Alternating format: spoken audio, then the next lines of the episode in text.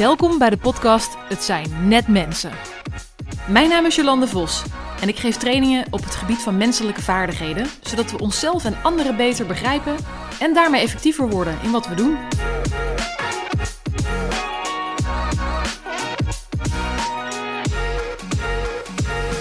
In deze aflevering hebben we het over zelfmanagement. En in het bijzonder over wat er gebeurt als je brein gekaapt wordt in een stressvolle situatie. Ik heb er zin in en ik ben dankbaar dat je erbij bent. Let's go!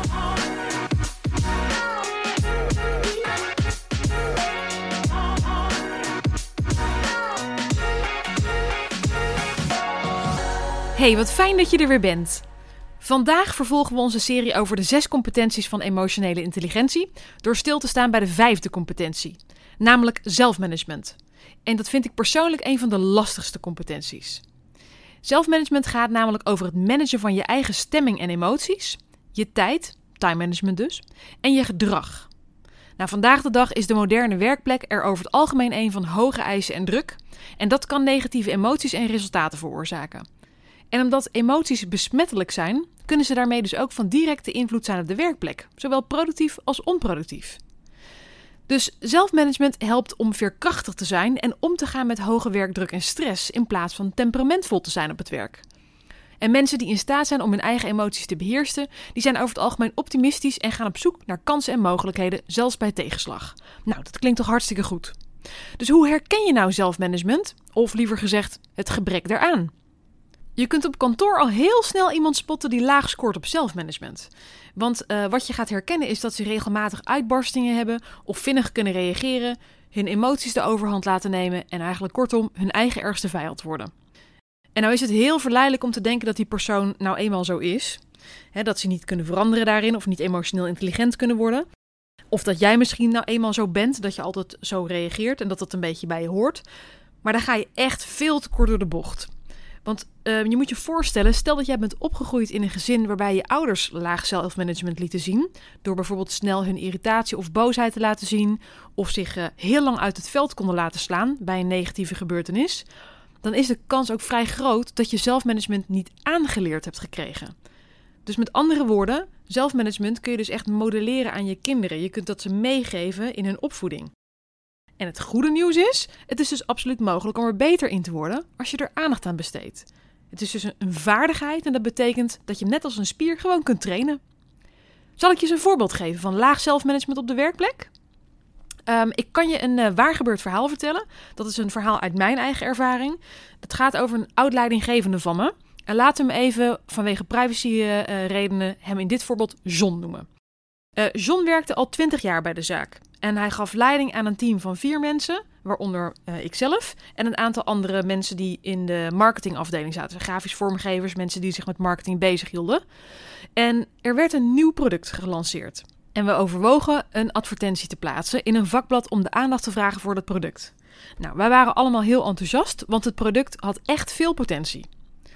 Uh, in de voorbereiding op de meeting, waarin we het zouden hebben over hoe we de advertentie zouden plaatsen, hadden de grafisch vormgever en ik het al gehad over de begeleidende tekst en de visuals. We hadden een voorbeeld gemaakt en we wilden dat ook graag presenteren aan John. Nou, John had zelf ook een tekst geschreven. En in de meeting, waar een stuk of zes mensen aan deelnamen, presenteerde de grafisch vormgever en ik ons advertentie-idee. Nou ja, John had er dus een ander idee bij, want hij wilde er veel meer tekst in zien. En met tekst bedoel ik productspecificaties. Nou, toen wij beargumenteerden dat we geloofden dat mensen niet zoveel tekst zouden lezen, ontplofte hij in één keer. Ik laat me de les niet lezen door een stelletje snotblagen, waren letterlijk zijn woorden. John stapte op uit de meeting en liep weg, ons achterlatend met een open mond, maar ook met veel spanning over wat het zou betekenen voor onze baan. De stemming was de rest van de dag bedrukt en angstig. Wat John niet handig deed, was dat hij zijn emoties niet heeft gereguleerd in het gesprek. Dus er was duidelijk een trigger geraakt bij hem, en vanuit die trigger handelde hij direct door uit te barsten en weg te lopen. Ik kon er natuurlijk achteraf alleen maar naar gissen, maar ik vermoed dat hij zich met 20 jaar ervaring ja, misschien niet serieus genomen voelde en zijn autoriteit wilde verdedigen. Nogmaals, ik kan er alleen maar naar gissen. Wat ik wel weet is dat het effect van Johns handelen was dat het de laatste keer was dat wij initiatief hebben getoond op een project uit angst dat we onze baan zouden verliezen. Wat John veel effectiever had gemaakt, was als hij had gemerkt dat hij getriggerd werd en dat hij vervolgens bewust had gekozen voor ander gedrag. Bijvoorbeeld nieuwsgierig te zijn naar de onderbouwing die zijn team bood, respectvol de ideeën te erkennen en aan te geven dat hij die ideeën in beraad zou nemen. En zo zou hij uiteindelijk respectvol, kalm en erkentelijk zijn geweest naar de moeite die zijn teamleden in de voorbereiding hadden gestoken. Het effect daarvan zou er waarschijnlijk zijn geweest dat wij ons als teamleden veilig hadden gevoeld om onze creativiteit te laten zien en innovatief mee te denken met de organisatie. Dat zou dus een mooie demonstratie zijn geweest van hoog zelfmanagement. Dus zelfmanagement gaat erover hoe je handelt en reageert of juist helemaal geen actie onderneemt. Dat betekent dus dat je heel zelfbewust moet zijn, omdat je jezelf en je triggers moet kunnen begrijpen om ze goed te kunnen beheersen. Stress vernauwt namelijk je vermogen om goed na te denken en het beperkt ons vermogen om situaties goed te kunnen interpreteren. Dus stressvolle situaties activeren je zogenaamde emotionele brein en onderdrukken de performance van je prefrontale cortex, het deel van je brein dat ervoor zorgt dat je logisch na kunt denken.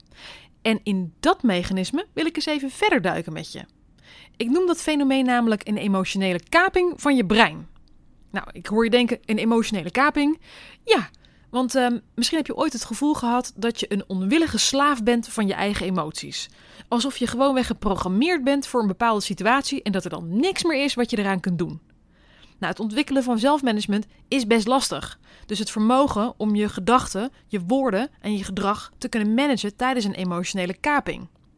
En we spreken over een emotionele kaping als je amygdala, dus het deel van je brein dat emoties verwerkt, ons gezonde gevoel voor logische redenering kaapt. En ik maak aanhalingstekens hier. Dus je moet het eigenlijk zien als een schip op open zee. Wij zijn het schip en aan het roer staan onze hersenen.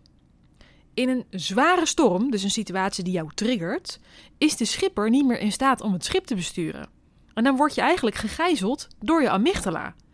Dus je amygdala is het, is het deel van je zoogdierenbrein, de binnenste schil van je hersenen. En uh, je amygdala ligt eigenlijk heel diep in je temporale kwap van je hersenen. Dus bij wijze van als je vanaf het topje van uh, je hersenen uh, een potlood naar binnen zou steken en tussen je wenkbrauwen er ook één zou steken naar binnen, dan kom je eigenlijk echt op het centrum van je hersenen uit. Daar zitten dus je, amygdala. Um, en dat mag je allemaal weer vergeten trouwens. Maar wat je moet onthouden is dat je onder normale omstandigheden, dat er dus informatie binnenkomt in je neocortex, het remmende gedeelte van je brein waar je logische verstand zit. En daar wordt je prikkel eigenlijk gewikt en gewogen, zodat je rationeel kunt nadenken en kunt reageren. Maar nogmaals, even naar de metafoor van het schip op de zee. Soms is de golf zo hoog dat de weg naar je neocortex is afgesloten. Dus signalen gaan dan dus direct naar je amygdala, ook wel je emotionele brein. De kapitein van het schip wordt dus helemaal niet meer geraadpleegd. En de matrozen beslissen zelf. Dus denk maar aan, aan de situatie met John bijvoorbeeld. Dus dan krijg je eigenlijk een impulsieve emotionele respons. En pas minuten later kun je weer rationeel reageren. En meestal realiseer je dus dan ook dat je emoties eigenlijk uh, niet nodig waren, dat ze buitenproportioneel waren. Dus het is eigenlijk een buitenproportionele reactie op een gebeurtenis. Ik noem even een voorbeeld. Um, misschien dat je dit ooit hebt meegemaakt. Jij, uh, jij bent aan het rijden op de snelweg. Jij rijdt netjes 100 km per uur. En voor jou zie je in één keer dat er een auto met een snelheid van 75 km per uur rijdt. Je schrikt, je trapt op je rem en woedend maak je allerlei gebaren naar de langzame chauffeur terwijl je inhaalt. Een paar minuten verderop realiseer je dat er eigenlijk nooit echt gevaar heeft bestaan. Maar waarom dan zo woedend reageren? Want even voorzichtig voorbijrijden was eigenlijk al genoeg geweest. Dus waarom ben je dan zo razend geworden? Dat was dus een voorbeeld van dat je slachtoffer was van een amygdala-kaping. Hoe werkt het dan met zo'n amygdala-kaping? Nou, dat is eigenlijk nog een overblijfsel van honderden duizend jaren geleden. Dus stel dat jij honderdduizend jaar geleden rustig door het landschap aan het wandelen was in je berenvel. En plots zie je een sabeltandtijger. Nou, je wil natuurlijk niet eindigen als een diner. Dus dan valt er geen tijd te verliezen. En dan is dus een amygdala-kaping een goede zaak. In het moderne leven is het onwaarschijnlijk dat je een sabeltandtijger tegenkomt. Maar wat je wel tegenkomt zijn bestuurders die je de weg afsnijden, respectloos gedrag van je collega's, mensen die je status aantasten, steeds met je in discussie gaan of je neerbuigend behandelen. Of bijvoorbeeld mensen die je negeren, onhaalbare deadlines op het werk of je baas die je een uitbrander geeft. Dus dat zijn allemaal hedendaagse sabeltandtijgers, zal ik het even noemen. We hebben dus allemaal triggers, allemaal knoppen waarop gedrukt wordt tot het op moment uit willen schreeuwen van irritatie of frustratie. En misschien heb je wel kinderen thuis. Uh, ik weet niet of je wel eens geprobeerd hebt om een belangrijk mailtje te lezen terwijl ze aan je been hangen en roepen: Mama, mama, mama, mama, mama. Dan zou ik bijna willen zeggen: You know what I mean. Dus inzicht in wie jou triggert en wat jou triggert is van groot belang om weer in controle te kunnen komen in die situaties, om je kanten te kunnen bewaren en je hoofd weer koel te houden. Maar naast het hebben van inzicht in je triggers is het ook van groot belang dat je ruimte leert in te bouwen tussen de trigger en je respons. Nou, Viktor Frankl heeft daar ooit een prachtige quote over geschreven. Uh, Viktor Frankl was trouwens een bekende Oostenrijkse neuroloog en psychiater, maar bovenal bekend als overlever van de Holocaust. En hij zei: Between stimulus and response, there is a space. And in that space is our power to choose our response. And in our response lies our growth and our freedom. Die ruimte waar hij het over heeft. Hoe vaak hebben we wel niet impulsief gereageerd en er meteen spijt van gehad? Die momenten waardoor iemand door onze woorden of daden slecht heeft gevoeld. Waarin we onze stem verhieven, we boos op verzenden drukten en anderen eigenlijk verwonden met onze woorden. Nou, stel dat we leren te ademen of even tot tien tellen na de trigger en voor de reactie. Hoe zou onze dag of ons jaar of ons leven dan kunnen veranderen? En hoe zouden onze vrienden, onze familie en collega's ons dan zien? En hoe zou dat moment in die vertraging het verschil kunnen maken? De ruimte is eigenlijk een kleinigheid. Iets kleins wat je elke dag kunt oefenen. Eigenlijk heel mooi hè, dat je met zoiets kleins als een vertraging tussen een stimulus en een respons een wereld van verschil kunt maken in hoe andere mensen jou ervaren en in hoe effectief je kunt zijn. Oké, voordat we straks langzaamaan samen richting de afronding van deze aflevering gaan, wil ik heel even terug naar de definitie van zelfmanagement. Want ik ben in deze aflevering vooral ingegaan op de momenten dat we getriggerd raken. He, dus de momenten dat we als uh, kapitein van ons schip eigenlijk niet meer in staat zijn om aan het roer te zitten, maar dat de golf het eigenlijk van ons overneemt en de matrozen dus zelf gaan beslissen. Maar zelfmanagement gaat dus over het, niet alleen het managen van je eigen stemmingen en je emoties, maar ook over je tijd en je gedrag. Hoe weet je nu hoe het staat met jouw zelfmanagement? Nou, dat zou je kunnen doen door onder andere stil te staan bij jouw work-life balance. Vind je dat er genoeg balans is tussen werk en privé? En hoe effectief ben je in het managen van je tijd en je agenda? Dus denk bijvoorbeeld aan deadlines of tijd voor zaken zoals ontspanning. Wat zou je daarin nog anders kunnen doen zodat je effectiever wordt? En um, als ik kijk naar situaties waarin je frustratie, boosheid, stress of een andere negatieve emotie ervaart, hoe lang duurt het dan voordat jij je weer een beetje jezelf voelt? Met andere woorden, hoe is het met je veerkracht? En hoe zou je ervoor kunnen zorgen dat je vertraging inbouwt tussen die trigger en je respons, zodat je onder alle omstandigheden kalm en respectvol kunt blijven? Wist je trouwens ook dat we daarom ook als kind te horen kregen dat we tot 10 moesten tellen toen we boos waren? Want als je tot 10 telt, dan bouw je vertraging in tussen de trigger en de respons, zodat je neocortex weer in staat is om logisch na te denken en effectief te handelen. Dat zouden een heleboel volwassenen ook eens wat vaker mogen doen, tot 10 tellen. Oké, we komen langzaamaan tot het einde. Ik hoop dat ik je in de afgelopen 14 minuten weer stof heb gegeven tot nadenken en dat je nu actief aan de slag kunt gaan met het vergroten van je veerkracht en je aanpassingsvermogen. Volgende week staat de podcast in het teken van de zesde en laatste competentie van emotionele intelligentie, namelijk positief beïnvloeden. Tot die tijd zou ik zeggen, hou je soepel. En uh, see you next time. Oh hey, voordat je gaat, vond je deze podcast nou interessant?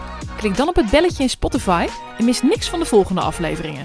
Was deze aflevering interessant voor iemand die je kent? Stuur de podcast dan vooral door. Doedeloe!